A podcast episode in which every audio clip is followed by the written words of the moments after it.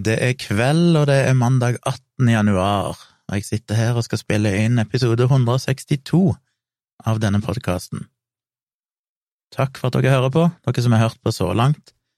Minner dere på at de 155 første episodene og en del annet eh, bonusepisoder og sånt, det finner dere inne på min Patrion. Så hvis dere blir patrons på patrion.com slash tjomli, så får dere tilgang til hele arkivet og bonusepisoder. I denne episoden er det mye å snakke om. Jeg eh, skal komme litt innom eh, igjen banninga av Trump fra Twitter, og hva det eventuelt har å gjøre med ytringsfrihet. Jeg skal snakke litt om eh, sikkerhet, og for så vidt personvern, i de forskjellige chatteappene som er populære nå. Og jeg skal kanskje snakke litt om Eller skal jeg det? Ja, vi får se. Kanskje jeg skal snakke litt om eh, ytringsfrihet i et sånn medieperspektiv òg. å se hvor lang tid jeg bruker. Minner dere på at det går an å sende inn mail på tompratpodkast at gmail.com. Podkast med C, altså. Tompratpodkast at gmail.com. Der tar jeg gjerne imot spørsmål og tilbakemeldinger og tips og alt mulig rart. Før jeg begynner på de seriøse tingene, så kan jeg jo nevne at Melodi Grand Prix har begynt. De begynte å vise delfinaler her i Norge, og første delfinale ble vist nå på lørdag, og meg og Tone, min samboer, vi fant ut at vi skulle kjøre en sånn eh, post-MGP-nachspiel live på YouTube. Så det kan dere gjerne være med på, vi kommer sikkert til å gjøre det de neste lørdagene. Så etter at uh, delfinalene er gått av stabelen på TV, så finner dere oss inne på min YouTube-kanal, Tvilsomt med Tjomli, og der kjører vi en livestream, og da gjenger vi gjennom sangene og diskuterer de litt, og det går an å delta i livechatten med innspill og spørsmål og så videre. Det var gøy sist, det ble skikkelig uh, Grand Prix-stemning i studio her, så vi håper vi ser dere der neste lørdag. Eller så sitter jeg her med Jeg vet ikke om det er kult eller flaut, men jeg, i dag fikk jeg i posten ei solid pipe, ei, en e-pipe. Jeg, jeg har alltid hatt lyst på pipe. Jeg vokste jo opp med en, eh, jeg vet ikke hva det heter, onkelen til far min, er det det som heter filleonkel? Gammel mann, da var veldig liten, han døde da jeg var relativt ung, men han røykte alltid pipe, jeg tror det påvirka meg. Jeg har alltid bare følt at det så så koselig ut, og så godt og deilig ut å bare sitte med ei solid pipe i hånda. Nå røyker jeg jo ikke tobakk, ei heller eh, andre mer eller mindre legale stoffer, men jeg røyker, eller veiper, damper, og jeg har dampa ei stund, i noen år, og nå tenkte jeg jeg skal prøve meg på ei skikkelig pipe her. Så jeg kjøpte meg først ei som var ganske spinkel og dårlig, men jeg hadde egentlig lyst på en annen som er laga i sånn Den som jeg fikk i dag, veier jo fanken meg et halvt kilo eller noe sånt. Den er jo steintung, for den er laga i skikkelig solid Ok, denne her er laga kirsebærtre eller noe sånt. De hadde en annen variant òg, i mahogni, men den var ikke på lager. Og denne pipa er ganske eksklusiv, han ser ganske flott ut, ser ut som et møbel. Kommer i en flott eh, eske og følger med en sånn liten skinn, uh, skinnholder, eller skinn ikke holder, men bare en sånn liten dings til å sette den på.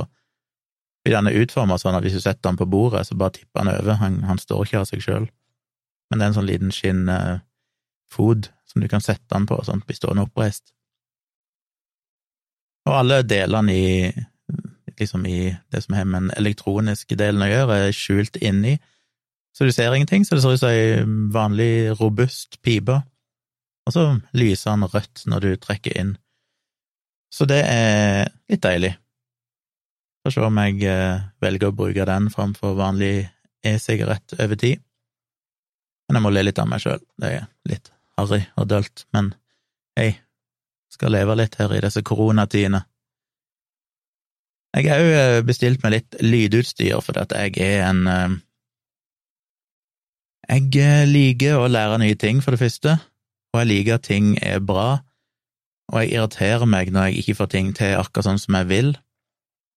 Så dette studioet her jeg spiller inn podkast og spiller inn eh, video av livestream, det begynner jo å bli ganske avansert etter hvert, med flerkameraproduksjon og ganske mye lys og full pakke. Det er mange mikrofoner her inne, og det går ganske greit når jeg spiller inn podkast alene, men når meg og Tone spiller inn eh, den andre podkasten, som heter Virkelig grusomt, eh, så har det vært litt problemer med at vi sitter to her inne, og da hører du gjerne den andre som snakker, inn i motpartens mikrofon. Så når jeg hører på opptak etterpå, som jeg spiller inn på to forskjellige spor, mitt, uh, min mikrofon på ett spor og Tone sin mikrofon på et annet spor, så kan du høre at det lekker lyd ifra Tone inn på mitt spor og motsatt. Og det kan gi en litt sånn rar lyd i noen situasjoner. Hører ikke så mye på råopptaket, men med en gang jeg begynner å prosessere lyden, legge på litt kompressor og sånne ting, så blir det ikke helt sånn som jeg vil ha det. Og jeg stressa mye med postprosessering, med Noisegate og ja, justert alt det jeg kan. Jeg har noen fine plugins og sånn, men det er mye arbeid, og når jeg endelig får tweaka det sånn at det begynner å høres bra ut i mine ører, så tar det jo ja, veldig lang tid å eksportere. Hvis vi spiller inn i 45 minutter, så tar det jo gjerne over 20 minutter, 25 minutter å eksportere det òg. Og det koster meg for mye tid. Jeg blir fort sittende et par–tre timer og tweake på lyd på et lite opptak, og så skal jeg eksportere det, og så skal det lastes opp på hele pakka. Så det er verdt for meg å investere i noe som gjør at ting kan gå litt mer av seg sjøl. Så jeg har rett og slett investert i eh, ja, vet ikke hva du kaller det, det er egentlig noen preamps, det vil si bokser du plugger mikrofonene inn i. Det har jeg for så vidt de fra før, for jeg heter et uh, Heath miksebord med gode preamps, men den boksen inneholder litt av de tingene som disse digitale modulene mine på datamaskinen gjør. Den har både, som sagt, visstnok en ganske god preamp til mikrofonene, som skal gi ren lyd.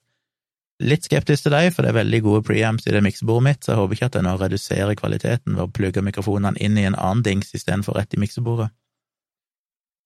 Men så har de da expander og gate, og det er kompressor, og det er DS-er, og det er Hvor mer er det?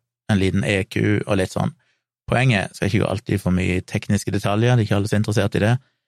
Poenget er at målet er at når jeg da plugger mikrofonene inn i den, og så videre til miksebordet, så skal lyden som kommer inn på datamaskinen som jeg spiller inn, i mye større grad være eh, ferdig prosessert, og forhåpentligvis ved hjelp av expander og kanskje gate, så klarer jeg å eliminere den der bleeden mellom mikrofonene. Vi får se. Jeg synes det er litt kult, for jeg elsker jo sånne ting, og litt av grunnen til at jeg bestiller det, er jo som sagt at jeg ønsker å gjøre lyden best mulig, i tillegg til at jeg ønsker å spare tid. Men så er det jo et aspekt ved at jeg liker å lære nye ting, jeg liker å finne ut at det er andre måter å gjøre ting på, og så er jeg jo glad i teknologi generelt sett, så jeg gleder meg til det. Det får jeg her i morgen. Visstnok levert på døra, hvis de eh, klarer å få gjort det. Og dette er jo sånne rack-baserte moduler. Jeg måtte bestille tre av de. De heter DBX 286S, for de som kjenner til dem. Det er relativt ikke de dyreste og beste i markedet, men det er litt sånn all in one-dingser. Så jeg håper de gjør en jobb. Og spesielt når jeg kjører livestreams, for da har jeg en mikrofon over meg utenfor bildet som plukker opp stemmen min, som er en veldig god, en røde NTG 3, var det vel jeg kjøpte, som er den dyreste modellen de har. Veldig, veldig god mikrofon, helt fantastisk.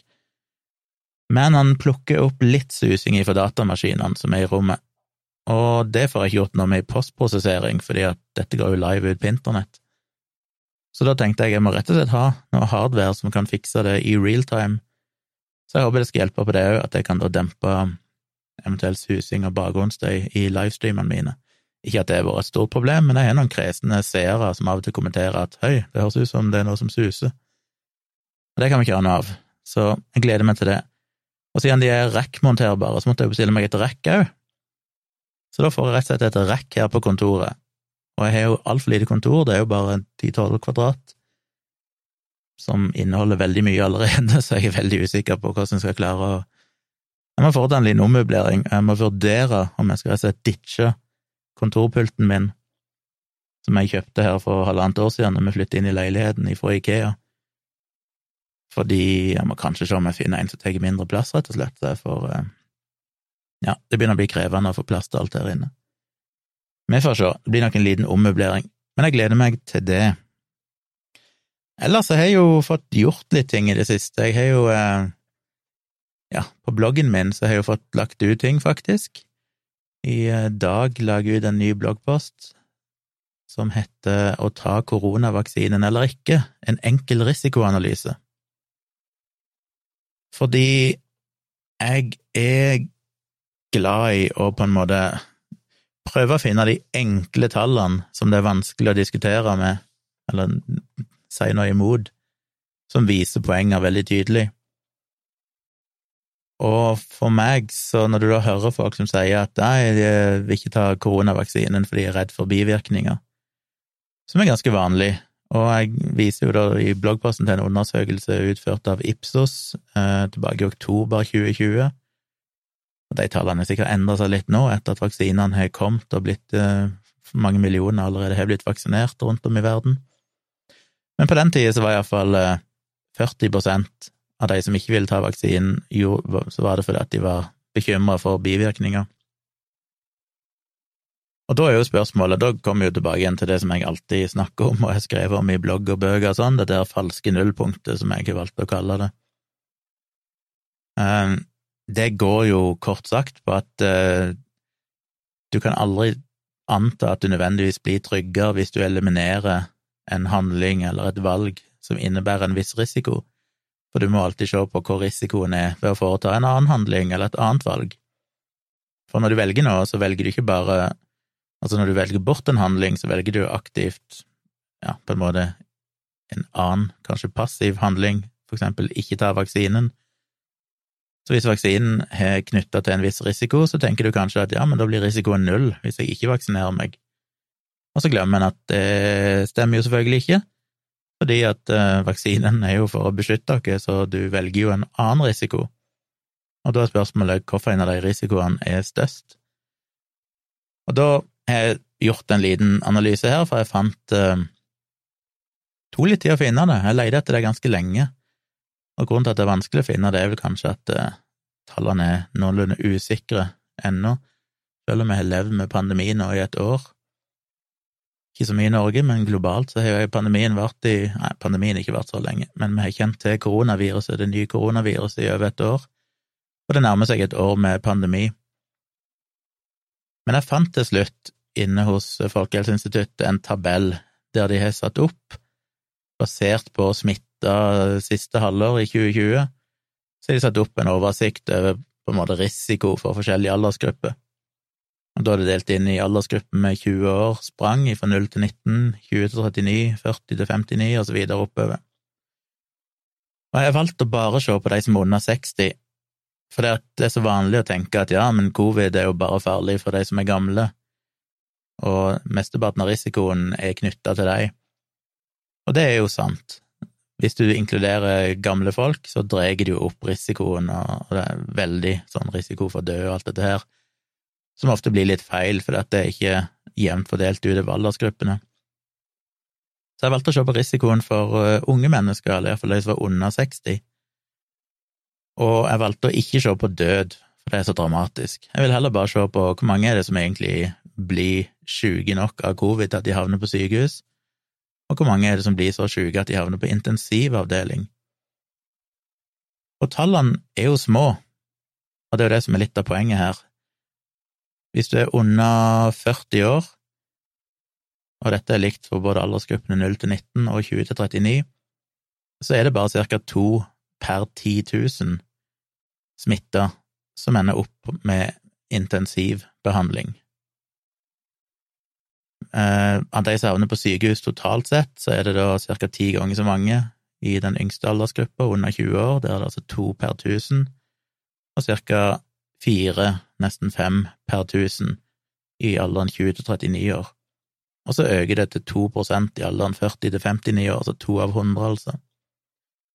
Så risikoen er jo ganske høy, men et sånt tall som 0,02, altså to per 10 000, av folk under 40 enn oppe på intensivavdeling. Det er jo lite, det er to per 10 000. Men det er da jeg synes det er interessant, fordi risikoen ved svineinfluensavaksinen, risikoen for å få narkolepsi var jo én av 10 000. Og det var en såpass stor risiko, tydeligvis, at veldig mange kaller jo det for en skandale, som det jo for så vidt med rette var, selv om en kan diskutere selvfølgelig om de tallene stemmer og sånn, det er fortsatt ikke helt avklart i hvilken grad vaksinen spilte inn i narkolepsitilfellene, og det er en del studier fra utlandet som ikke klarte å finne noen sammenheng, mens Folkehelseinstituttet vel mente at det var en sammenheng. Så det, det, er delte meninger, og vi vet jo ikke hvor mange av de som ville fått narkolepsi uansett, og vi vet ikke hvor mange av de som egentlig fikk influensa samtidig, og dermed kanskje fikk det av influensaen, og så videre og så videre. Men hvis vi da sier at uh, vi aksepterer de narkolepsitilfellene som er meldt inn, og aksepterer at de var knytta til vaksinen, så er det ca. én per 10 000 vaksinerte med svineinfluensavaksinen som endte opp med å få narkolepsi. Og en stor del av de var vel òg yngre mennesker. Så allerede der ser vi at risikoen er faktisk dobbelt så stor for de samme, den samme aldersgruppa å havne på intensivavdeling hvis de smittes av covid, eller koronaviruset og får covid-19, dobbelt så stor som det var å få narkolepsi fra svineinfluensavaksinen. Og allikevel så ser, er det jo de samme folkene, altså folk som er skeptiske til vaksiner, vil jo si at svineinfluensavaksinen var det som skremte de vekk ifra å ville ta koronavaksinen, for dette er en ny pandemivaksine, og de vil ikke ta den risikoen det kan være. Men risikoen ved svineinfluensavaksinen var altså halvparten så låg som risikoen du har for å havne på intensivavdeling hvis du faktisk blir smitta. Og hvis du snakker om bare å havne på sykehus, så er risikoen ja, minst 20 ganger høyere ved å bli smitta enn det var å få narkolepsi av vaksinen. Og det henger ikke på greip. Du kan ikke si at du både er redd for vaksinen sett i lys av narkolepsitilfellene, og så si at du heller vil akseptere en risiko som er 20 ganger større, beviselig 20 ganger større. Dette er jo ikke noe hypotetisk. Eneste unntaket er hvis du velger å ikke vaksinere deg fordi de fleste andre gjør det. Men det er jo urettferdig. Det er jo å snylte på andre, så det er på en måte ikke relevant for argumentet ditt, for argumentet ditt må jo være at du mener at ingen burde vaksinere seg. Og hvis ingen vaksinerer seg, så kan vi vel anta at så godt som alle blir smitta før eller seinere. Det vil ta lang tid med de tiltakene vi har, men vi ønsker ikke å leve med disse tiltakene i 20 år framover. Så på et eller annet tidspunkt så må vi jo åpne opp igjen, og på et eller annet tidspunkt så vil da alle bli smitta før eller seinere, iallfall så godt som. Så du kan jo da regne at eh, ja, at da to per tusen av unge mennesker under 20 år vil havne på sykehus. Og de fleste av de blir jo helt friske igjen, men det gjelder jo bivirkninger for vaksiner. De fleste blir jo helt friske igjen, til og med når det er alvorlige bivirkninger fra vaksiner, så er det i de fleste tilfellene lidelser som går over etter en stund. Narkolepsi er jo et unntak. Det er jo i utgangspunktet, ja, vet ikke jeg, det antar jeg at det er livsvarig. Nå kan en del av de leve relativt greit med medisinering og sånne ting, men det er jo definitivt eh, problematisk å få narkolepsi med katapleksi, som det heter, som gjør at du får sånn musklene dine bare gi etter plutselig, at du bare kan kollapse og sånne ting. Så det er en alvorlig bivirkning. Men igjen, bivirkningen fra å få covid ser også ut til å være ganske dramatiske. Der det er snakk om at opp mot en tredjedel, det var vel noen nyheter i dag som sa opp mot en tredjedel av de som hadde vært innlagt med covid, endte opp på sykehuset på nytt et, i løpet av de neste månedene, fordi de ble såpass dårlige med seineffekter, langtidseffekter av sykdommen.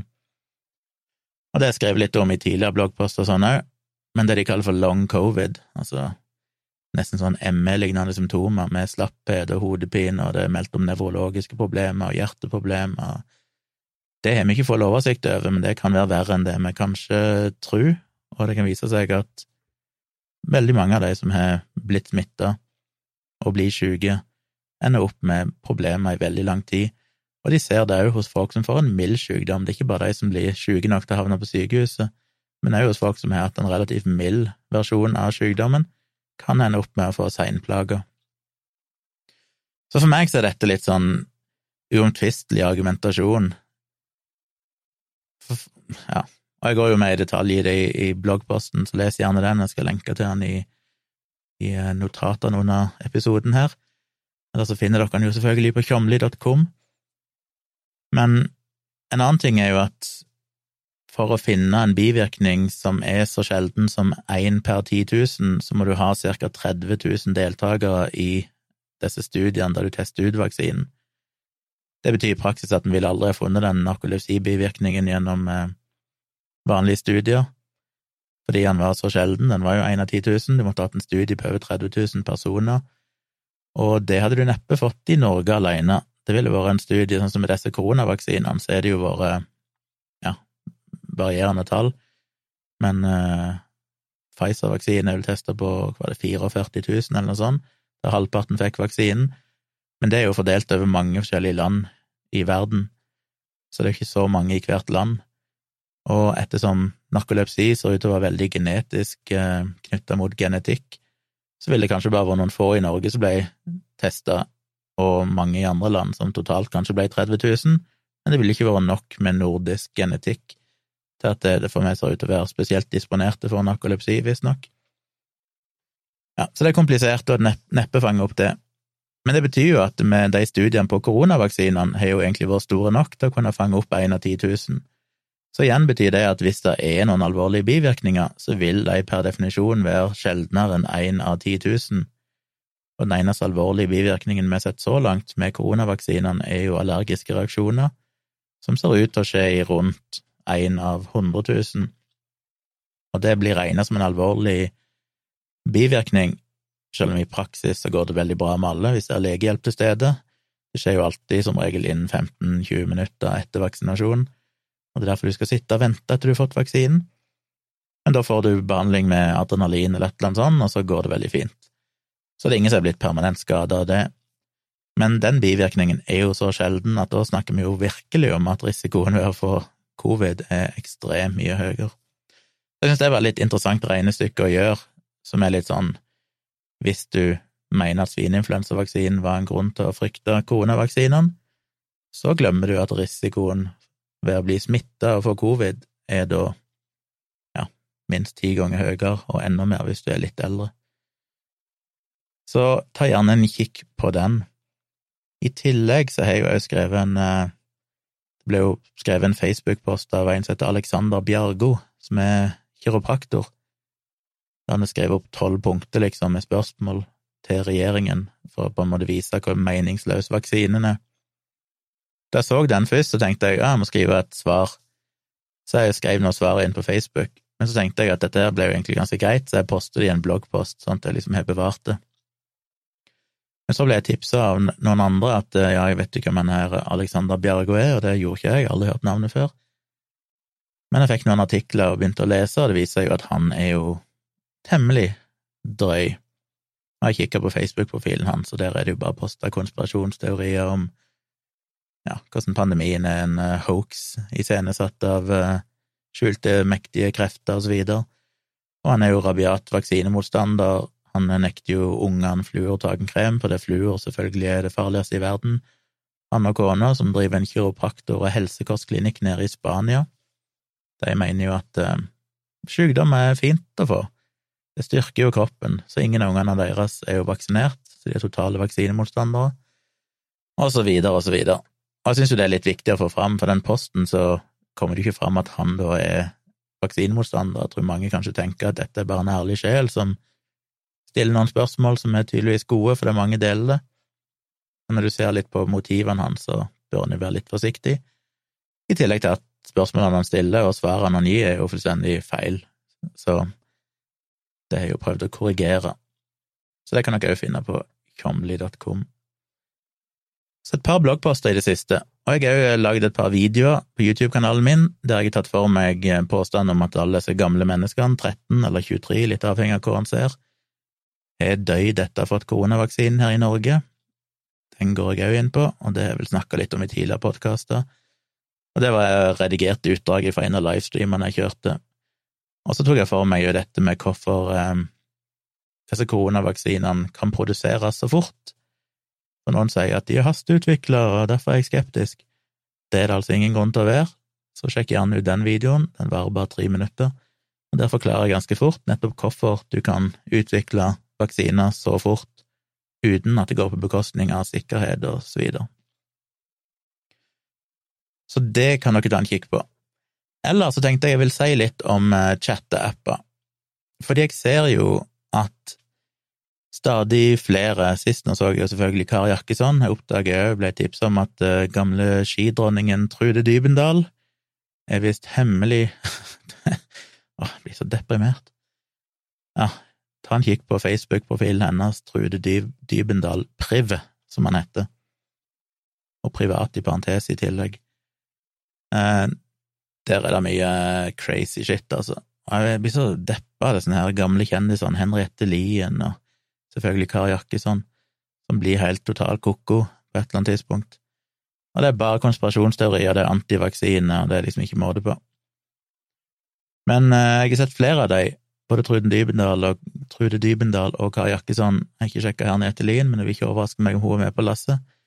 Driver og utbasunerer nå om at de takler ikke ytrings... Uh, kneblinga av ytringsfrihet på Facebook og Twitter og sånn, så de flytter over til alternative ting, sånn som Parler og Gab og andre sånne plattformer eller sosiale medier som, som på en måte skal ha total ytringsfrihet, der du kan si hva du vil. Og det er litt sånn, ja, good riddance på en måte, det er ingen som får med seg hva de skriver der, enten andre folk som er like ko-ko, så det er kanskje like greit. Men jeg tror det de glemmer, er at uh, sikkerheten neppe nødvendigvis er så god der. Og Det snakket jeg vel litt om i forrige episode, når jeg snakket om Parler. Men jeg tror en del av de folkene er litt naive med tanke på uh, sikkerhet, fordi det er ikke nødvendigvis Altså, det en klandrer Facebook for spesielt, er jo selvfølgelig dette her med personvern, at Facebook sober inn mye data, og ja, noen tilfeller har solgt dette til andre aktører, sånn tredjeparter, som kan misbruke deg. Facebook vet mye om deg. Men selv om Facebook og sånn kan klandres for personvernsproblematikk, så har de på en annen side veldig god sikkerhet. Så Google og Facebook, som jo sober til seg data og sporer oss til den store gullmedaljen, de er tvilsomme på personvern, men de er veldig gode på sikkerhet. Når de går over til andre alternative plattformer, som da liksom skal ha høy ytringsfrihet og kanskje love at de ikke driver og samler inn data, selv om det sannsynligvis er bullshit, så kan du ikke være sikker på sikkerheten der. Så jeg er litt spent på om de kommer til å brenne seg på samme måten som skjedde med Parler nå. Alle dataene ble som sagt dumpa og lasta ned, og ja, ikke spesielt sikkert i det hele tatt.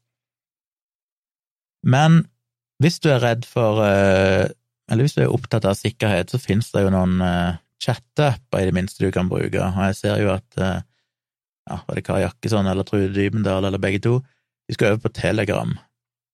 Det var visstnok mye bedre. Og da tenkte jeg å snakke litt om det, for det er sikkert mange av dere som hører på, som bruker en av følgende tre apper, WhatsApp, Signal og Telegram. Så er det jo en del som bare chatter på Messenger på Facebook, eller via Messenger eller Messages på iPhone eller tilsvarende på Android, den gamle internettavtakeren til SMS. Men Signal og WhatsApp og Telegram er jo ikke like, og det er ganske store forskjeller på dem. Og når disse menneskene flytter over på Telegram, så er jeg litt usikker på om de egentlig er klar over at Telegram i utgangspunktet ikke er kryptert i det hele tatt. Telegram blir jo ofte brukt av folk som mener de skal ha liksom privacy, altså personvern og, og sikkerhet, men det får de ikke nødvendigvis. Så la meg ta en sånn kjapp gjennomgang av forskjellen på de tre appene. WhatsApp er veldig bra på kryptering. WhatsApp og Signal bruker samme krypteringsteknologi, og den er open source, det vil si at eh, altså det er åpen kildekode, som betyr at eh, sikkerhetseksperter og andre kan sjekke koden og se at det ikke er noe bak døra og ikke noe problemer der. Og den er anerkjent til å være veldig, veldig god. Så hvis du bruker WhatsApp, så er meldingene dine kryptert ende til ende det vil si at de blir kryptert på din mobil, og så blir de dekryptert på mottakeren sin mobil. Og den nøkkelen eller passordet som krypterer meldingene, den eksisterer kun på din mobil. Så ingen som er ansatt i WhatsApp kan dekryptere meldingene mellom deg og den du kommuniserer med. selv om de skulle ville aldri, aldri så mye, for de har ikke tilgang til den krypteringsnøkkelen. På den annen side sett så krypterer ikke WhatsApp metadataen, det vil si at hvis jeg skriver en melding til Tone, så kan WhatsApp se at jeg har sendt en melding til Tone. De kan ikke se innholdet i meldingen, men de kan se når jeg sendte meldingen, og hvem som var avsender, og hvem som var mottaker. Det er kanskje ikke så farlig for folk flest, det er stort sett innholdet i meldingene du er redd for, men det å vite hvem du melder med, og når du gjør det, det kan jo ja, for meg og deg, som holdt på å si ikke er noe å skjule, så kan det selvfølgelig brukes bare til å kartlegge nettverket ditt og aktiviteten din, som kan brukes igjen da, til å finne ut interesser, som da kan selges til annonsører videre, som basically er det Facebook gjør når du bruker deres sosiale medieplattform. Og det er jo Facebook som eier WhatsApp. Så det har vært en del kontrovers i det siste om at WhatsApp er endra på retningslinjene sine, og det har vært omdiskutert hva som egentlig ligger i det, men mange frykter at det betyr at eh, WhatsApp får tilgang til enda mer metadata, og så videre. Så folk er skeptiske, og det har vært et ras av brukere som har hoppet over på Signal og Telegram de siste dagene. Signal gikk vel faktisk ned nesten et helt døgn, fordi de fikk eh, over, en ny, over, en million sånn nye brukere plutselig på en dag, det håndterte ikke serveren deres. Men de er rusta opp og var online igjen snart etterpå, og er nå klar til å takle mange flere brukere. Så WhatsApp er bra, det er en god app. Han er sexy, han er fin, han har masse features, og han har god kryptering mellom deg og brukeren, hvis du ønsker det. Du kan ha en gruppesamtaler, du kan videochatte, du kan snakke med lyder, sende bilder, masse, masse greier, og alt er ende til ende kryptert inklusiv når du ringer til noen eller en videochat med noen, så er det kryptert. Telegram har teknisk sett kryptering, men den er ikke på som standard. Så når du sender meldinger i Telegram, så er det i utgangspunktet De er kryptert mellom deg og Telegram, og så via Telegram og videre til mottakeren. Men Telegram sjøl kan teknisk sett dekryptere meldingene dine og se hva du skriver. Um, ja, eller de er ikke kryptert når de er hos Telegram. Men du kan skru på såkalt private chat, og da er det kryptert hele veien, sånn at ikke Telegram eller andre kan se innholdet i meldingene dine. Og det er bra, men du må altså skru på for hver samtale at du vil ha en private chat, mens på WhatsApp og Signal så er alt kryptert automatisk, trenger ikke å tenke på å skru på noen ting. Det går ikke an å, å kommunisere ukryptert på de appene men på Telegram så er det ukryptert som standard. Et annet muligens problem er at Telegram sin krypteringsteknologi er ikke open source. De har sin egen eh, proprietære teknologi, og det er det jo selvfølgelig folk som er litt skeptiske til. Da kan ingen sjekke hvordan den krypteringa fungerer og sånn. Så mest sannsynlig så kan du stole på han, men en kan ikke vite helt sikkert.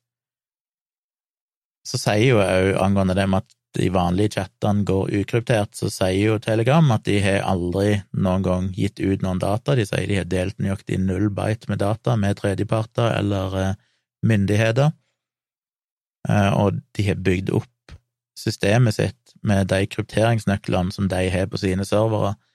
De må du ha en eh, rettsgodkjennelse for å få tak på, for å kunne dekryptere, og se hva du eventuelt skriver til andre mennesker i de ukrypterte chattene de er altså på en måte krypterte, men de er ikke ende-til-ende-krypterte, sånn at eh, selve nøkkelen for å dekryptere de finnes hos Telegram, i motsetning til Signal og WhatsApp, der det bare finnes på din mobil. Så det er ikke så sikkert på noe selvs vis. Og Telegram krypterer vel heller ikke gruppechatter, og de krypterer ikke videosamtaler og sånne ting, så det er generelt sett kun disse private tekstchattene som du sjøl må skru på, som er skikkelig krypterte. Og så er det Signal, da, som er keiseren i flokken. De bruker samme krypteringsteknologi som WhatsApp, og det er fordi at eh, de som lagde Signal, det ble starta av en dude som var med å starte WhatsApp i sin tid, men som trakk seg ut av WhatsApp ei stund etter at Facebook kjøpte opp WhatsApp. Så han eh, hadde tilgang på den krypteringsteknologien og lagde da Signal, og Signal er på en måte definitivt best, fordi at den krypterer alt som standard. sånn som for så vidt WhatsApp òg gjør, men han krypterer òg metadataen. Så hvis du bruker Signal, så kan heller ingen se hvem du kommuniserer med, eller tidspunkt for når meldingene blir sendt, og alt dette her. Du kan til og med gjøre det når du eh, ringer noen, og sånn, så kan alt være kryptert og skjult, og han kan òg skjule IP-adressen din, sånn at eh, ingen i Signal kan se hvilken IP-adresse, eller mottakeren kan ikke se hvilken IP-adresse som de blir kontakta ifra. Så teknisk sett så går Signal mye lenger enn WhatsApp i krypteringa, hvis det er viktig for deg. Um, og Signal har jo òg gruppechatter, og du kan ha videosamtaler og alt mulig sånn, og alt er kryptert, og altså mer omfattende kryptert enn på WhatsApp. Så sikkerhetsmessig så er Signal definitivt den beste. WhatsApp er vel nummer to, litt avhengig av hvordan du ser på det med metadata. Kanskje en deleplass med Telegram hvis du aksepterer at du må skru på kryptert eh, chat sjøl, og du bare får det når du kommuniserer med én person, og aksepterer at det er en proprietær krypteringsteknologi, men Telegram er iallfall ikke eid av Facebook, så de lekker ikke noe data til deg. Og så er det jo andre ting som er viktig i chat-apper, det er jo features, altså hvilken funksjonalitet finnes i appen, det er mye detaljer om hvor store filer du kan overføre, hvor store gruppechatter du kan ha, alt mulig sånn. Skal ikke gå inn på det, jeg skal legge en link til en artikkel dere kan lese sjøl om det hvis dere vil ha detaljene. Men kort sagt så er Signal en ganske basic app. Jeg bruker sjøl både Signal og WhatsApp. Jeg har WhatsApp til folk som, ja, som vil bruke WhatsApp, men de som, er, de som jeg har fått over på Signal, de kommuniserer med på Signal. Og Signal sin app er ganske primitiv i forhold til WhatsApp, han ser ikke så bra ut, han er liksom litt mer sånn litt enklere. Så WhatsApp er jo å foretrekke hvis du vil ha noe som er flott og fancy. Telegram er visstnok enda bedre. Den er visst å lesse med funksjonalitet, og du kan lage galluper og ha klistremerker og det er så mye fancy shit der, men jeg har egentlig aldri brukt Telegram, så jeg har vel den installert, og jeg har bare aldri hatt noen å kommunisere med der. Så WhatsApp er nok den fineste appen, men eh, Nei, Telegram, mener jeg.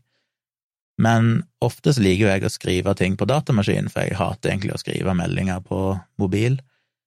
Så disse har jo òg eh, webbaserte versjoner, noen av de, og noen har egne apper.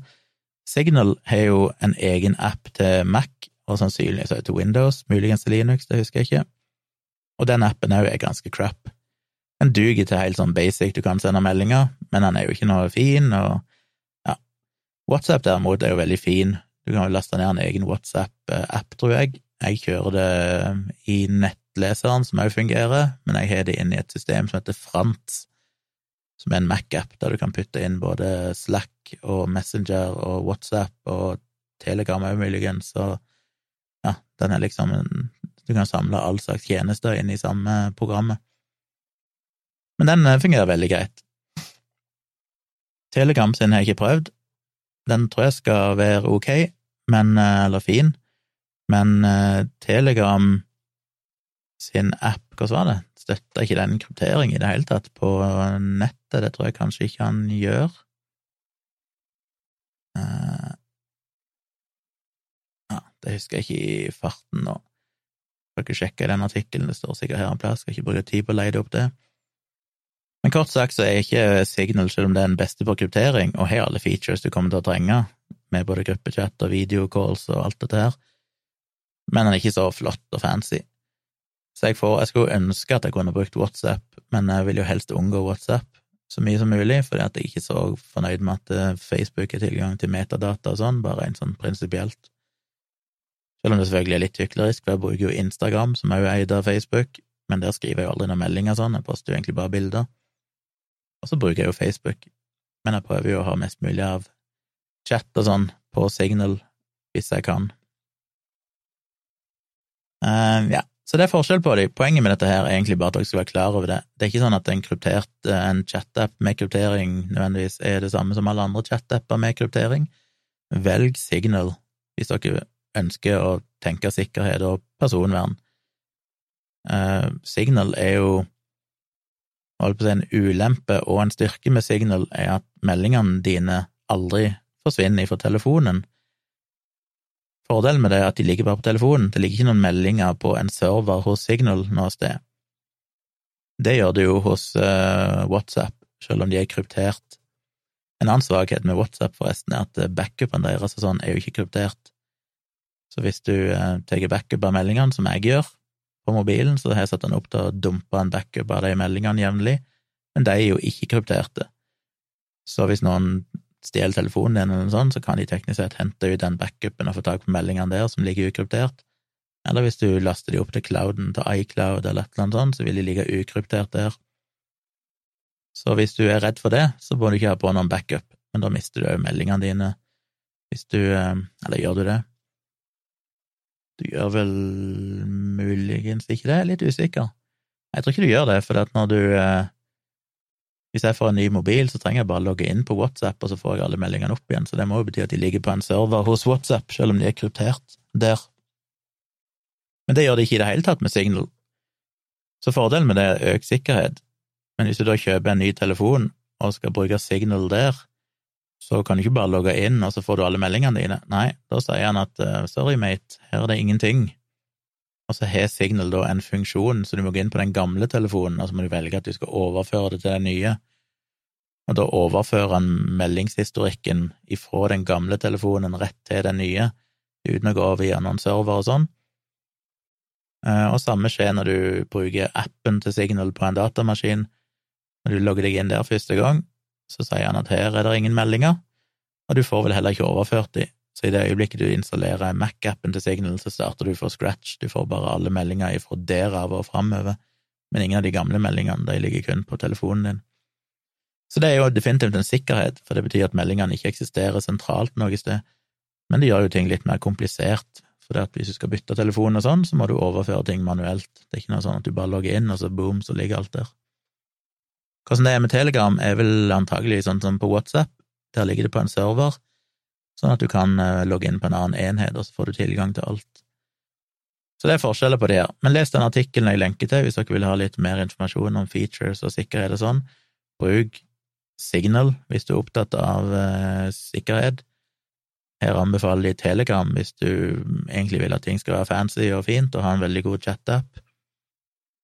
WhatsApp er bedre på sikkerhet, men det er eid av Facebook, som som sagt kan være litt problematisk. Så det er mye å ta hensyn til. Hvor lenge har jeg prata nå? Jeez, 42 minutter. Jeg må si bitte grann til slutt da, om eh, Trump og Twitter igjen. Fordi eh, nå virker det forresten som at Parler er oppe igjen, de har funnet seg en ny hostingplattform. Appene er jo ikke tilbake igjen i AppStore, men du kan vel nå Parler via nettleseren, og jeg vil jo anta muligens så hvis du hadde appen ifra før, så får du tilgang. Jeg er litt usikker på om den funksjonaliteten er gjenoppretta, men du får vel tak på det, tror jeg, ifra nettleseren. Så de har funnet seg en annen eh, hostingleverandør som da har liksom ingen begrensninger på ytringer. Og en dude som heter på Twitter Alec Stapp Skal vi se hvem det er for en fyr. Ja, Det er litt usikker på. Han har iallfall skrevet en artikkel som var veldig god, der han tar for seg dette med at eh, Twitter og Facebook banna Trump, og Apple og Google banna Parler, Amazon kasta Parler av sin eh, cloud-server, eh, sky-serverløsning, og mange aktører har jo ditcha Trump, inklusiv for eksempel Stripe, som en betalingsløsning. De stoppa jo og nekta, nekta å håndtere mer betalinger for Trump sin kampanje. Så han har skrevet litt om det. Jeg synes han hadde noen gode poenger. Jeg skal ta noen av de. Han la, det ut i en sånn Twitter-tråd som jeg skal lenke til. Første punktet hans er jo contrary to what many people have been claiming, no, big tech is not more powerful than the government. The government can tax you, imprison you, and kill you. It can even nationalize private companies. Tech companies can delete your free account. Og det er et viktig poeng som minner meg litt om når jeg gikk ut og kritiserte den første versjonen av Smittestopp-appen tilbake i april, fordi da var det jo mange som sa at ja, men hvorfor er du redd for å bruke Smittestopp-appen, du bruker jo Facebook og sånn. Men det er for det første en prinsipiell forskjell, at jeg forventer mer av staten enn jeg forventer av eh, nødvendigvis en privat selskap i USA. Men det folk glemmer, er jo at per definisjon så er staten selvfølgelig en mye si, mye farligere enn det et privat selskap er. Staten, hvis de dataene ble misbrukt, og dette er jo veldig hypotetisk, jeg med at Norge hadde gjort det, altså, Eh, som jeg har vist tidligere, så har de misbrukt sånne data, og, og vi har sett eksempler på eh, formålsutglidning og sånne ting. Men jeg må tenke hypotetisk. Norge blir plutselig eh, grusomme, og så velger de å misbruke dataen. Da har jo staten muligheten til å gjøre fryktelig mye med deg, som, ja, som å sette deg i fengsel, teknisk sett drepe deg, hvis de vil. Det kan ikke Twitter og Facebook. De kan snoke på deg, de kan eh, sperre kontoen din, men de har ikke noe særlig makt over deg. Så det er viktig å holde forskjellen klar der, at uh, ting som staten gjør, er vesentlig mer betydningsfullt enn det et privat selskap gjør. Så påpeker han òg at uh, Trump may be banned from Facebook and Twitter, but he's still the president of the United States, and he has not been silenced. Og så peker han på at uh, i USA så er det bare 22% av voksne som bruker Twitter, og bare 10% er daglige, aktive brukere. Twitter is not real life.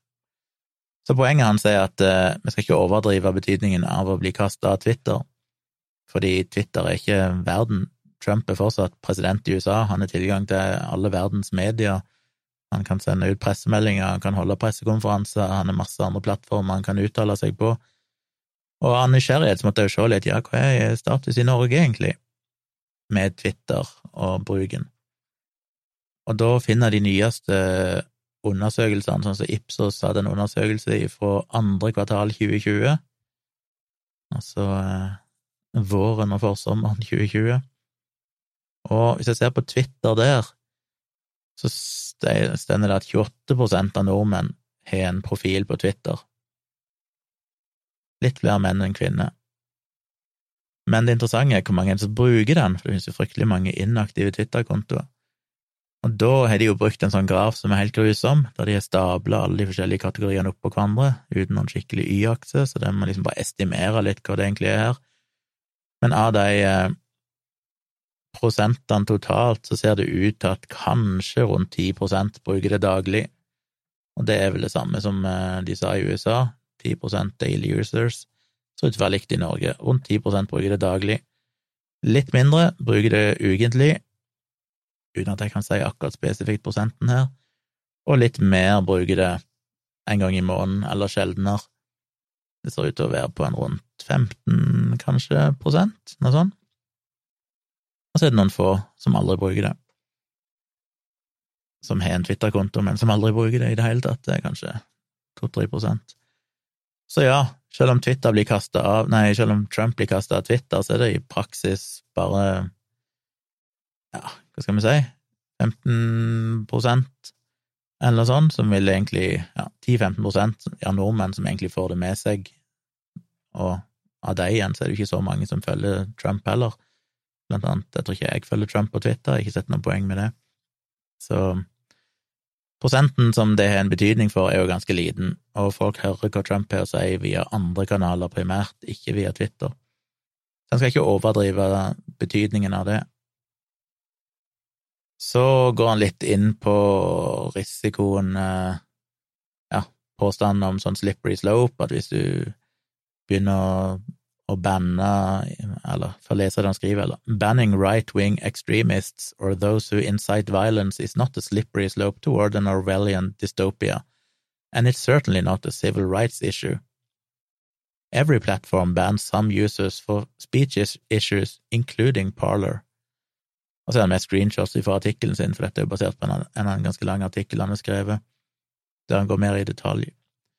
Ikke si så mye om den, Hopp over punkt fire, men eh, punkt fem så går han litt inn på dette med at folk har kritisert Twitter for å ikke være konsistente, og viser da til en del eksempler av andre ledere rundt om i verden som har definitivt skrevet ting som bryter med Twitter sine retningslinjer, som er drøye eh, angriper minoriteter eller eh, ja, driver med oppvigling til vold og, og, sånn.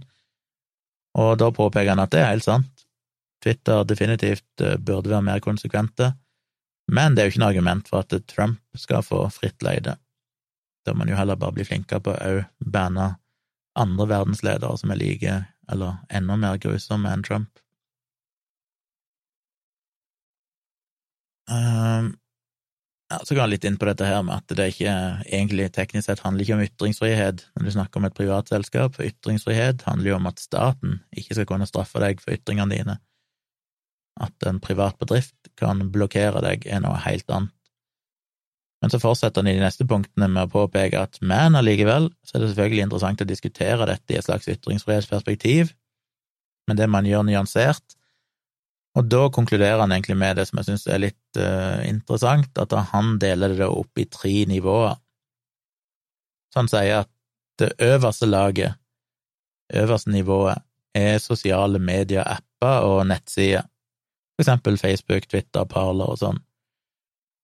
Det neste nivået, altså middellaget, er aktører som eh, aggregerer apper og nettsider og det kan da være altså appstores, det kan være nettlesere i seg sjøl, for eksempel Chrome og Firefox og sånn, det kan være søkemotorer, og så videre.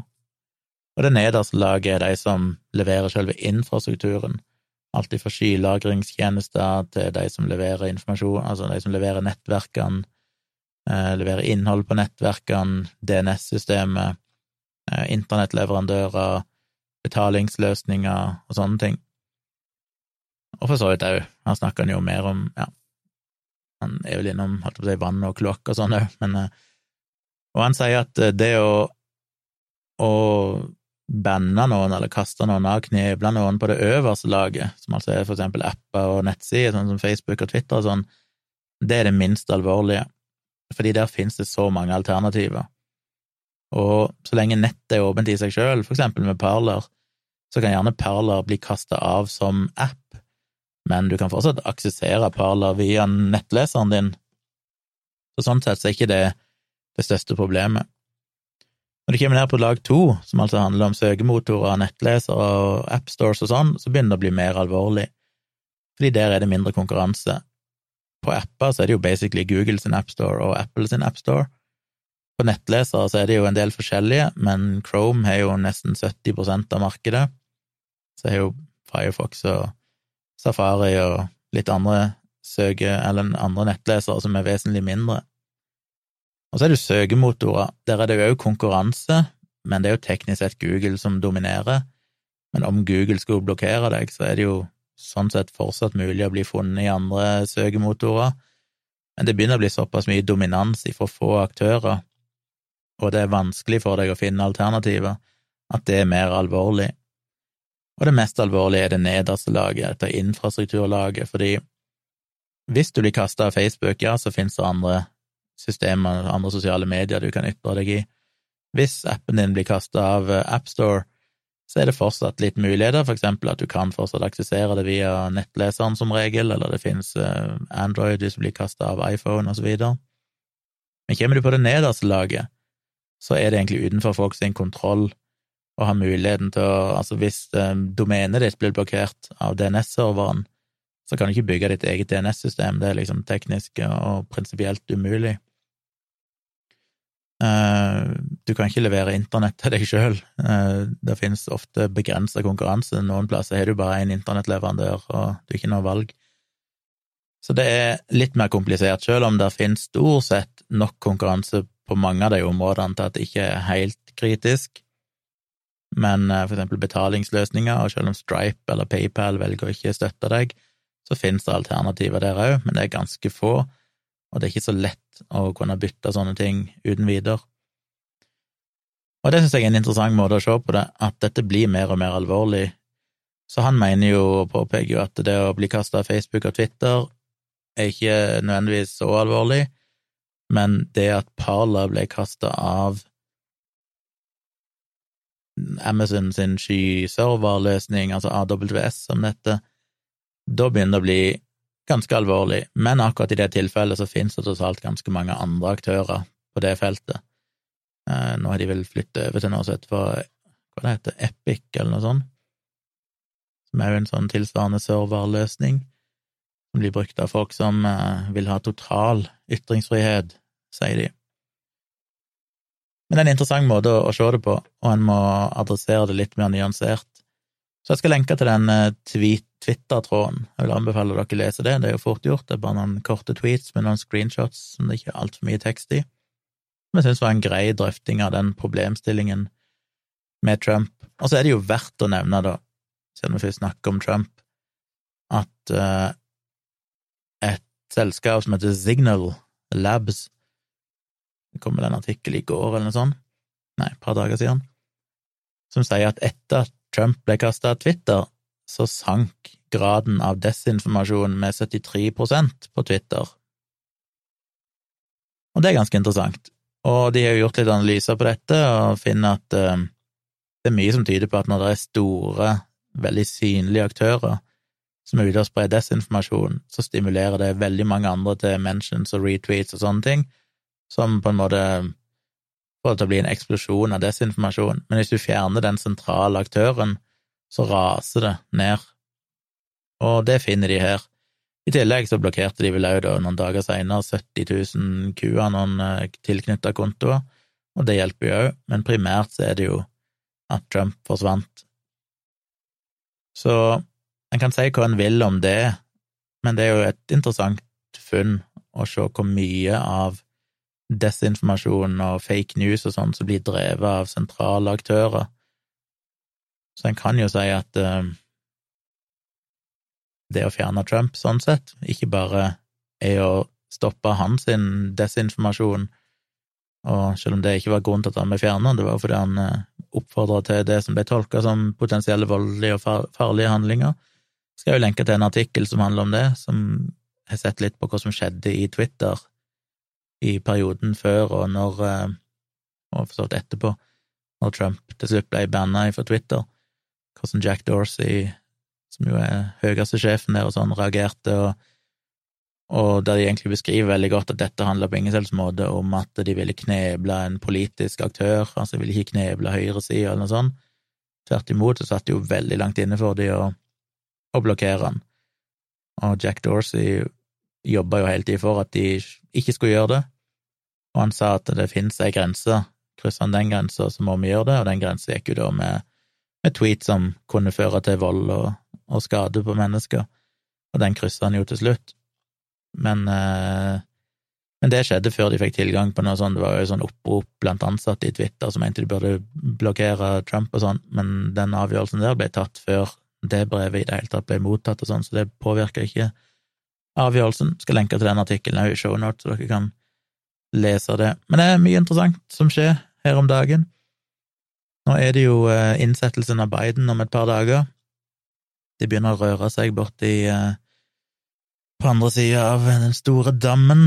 Vi får se hva som skjer. Det er jo ganske brutalt. Jeg er glad jeg ikke er Biden. Hva er det, 25 000 politimenn eller militære, jeg er ikke helt sikker, som skal være der og beskytte han og alle som er der under innsettelsen. Og eh, jeg håper det ikke blir en, en opp i en bisettelse. Fordi nå så jeg FBI måtte gå gjennom, liksom bakgrunnssjekke alle de 25 000 for å være sikker på at ikke det er noen råtne egg blant de som egentlig skal passe på han. Og det er jo ikke usannsynlig, for det er jo vært påvist òg gjennom parler-hacket, holdt jeg på å si, at det er ganske mange politimenn som har vært støtta både angrepene på Kongressen og støtter Trump og så ja, i de, de, styrkene som skal beskytte Biden, så kan det definitivt være folk som ikke nødvendigvis en bør stole for mye på, som kan være, være medsammensvorne hvis de har planlagt et eller annet horribelt. Så vi får se hva som skjer. Det er spennende tider. Takk for at dere hørte på igjen. Jeg har holdt på ganske lenge, hadde visst mye å si. Sjekk ut linkene som jeg legger i shownotes. Eh, tips gjerne andre om denne podkasten. Jeg har lyst til at mange skal høre det jeg har å si. Jeg håper dere syns det er lærerikt og interessant. Og har dere noen spørsmål til alt jeg snakker om i dag, så er det jo bare å fyre løs på tompratpodkast at gmail.com. Jeg håper dere vil sjekke ut livestreamen min. Jeg skal livestreame nå etterpå. Det får dere ikke med dere, fordi dere får ikke denne podkasten før eh, dagen etterpå. Men eh, jeg er jo her mange kvelder og livestreamer, så det er bare å abonnere på Tvilsomt med Tjomli på YouTube, og så skru på varslinger så får dere sikkert med dere det. Og så håper jeg dere vil eh, støtte meg inne på Patrion, som sagt. Der har jeg jo lagt ut noen bonusepisoder av denne podkasten, pluss at du får hele podkastarkivet mitt, der jeg har snakket om forhåpentligvis mye interessante ting tidligere, som fortsatt er aktuelt og relevant. Så da gleder jeg meg til at neste gang jeg skal spille inn podkast, så har jeg fått på plass noen eh, dingser her som jeg håper skal gjøre jobben enda lettere. For nå må jeg til å redigere og sånn, og det tar alltid litt tid. Men jeg avslutter og skal patte litt på den nye e-pipa mi. Vi snakkes!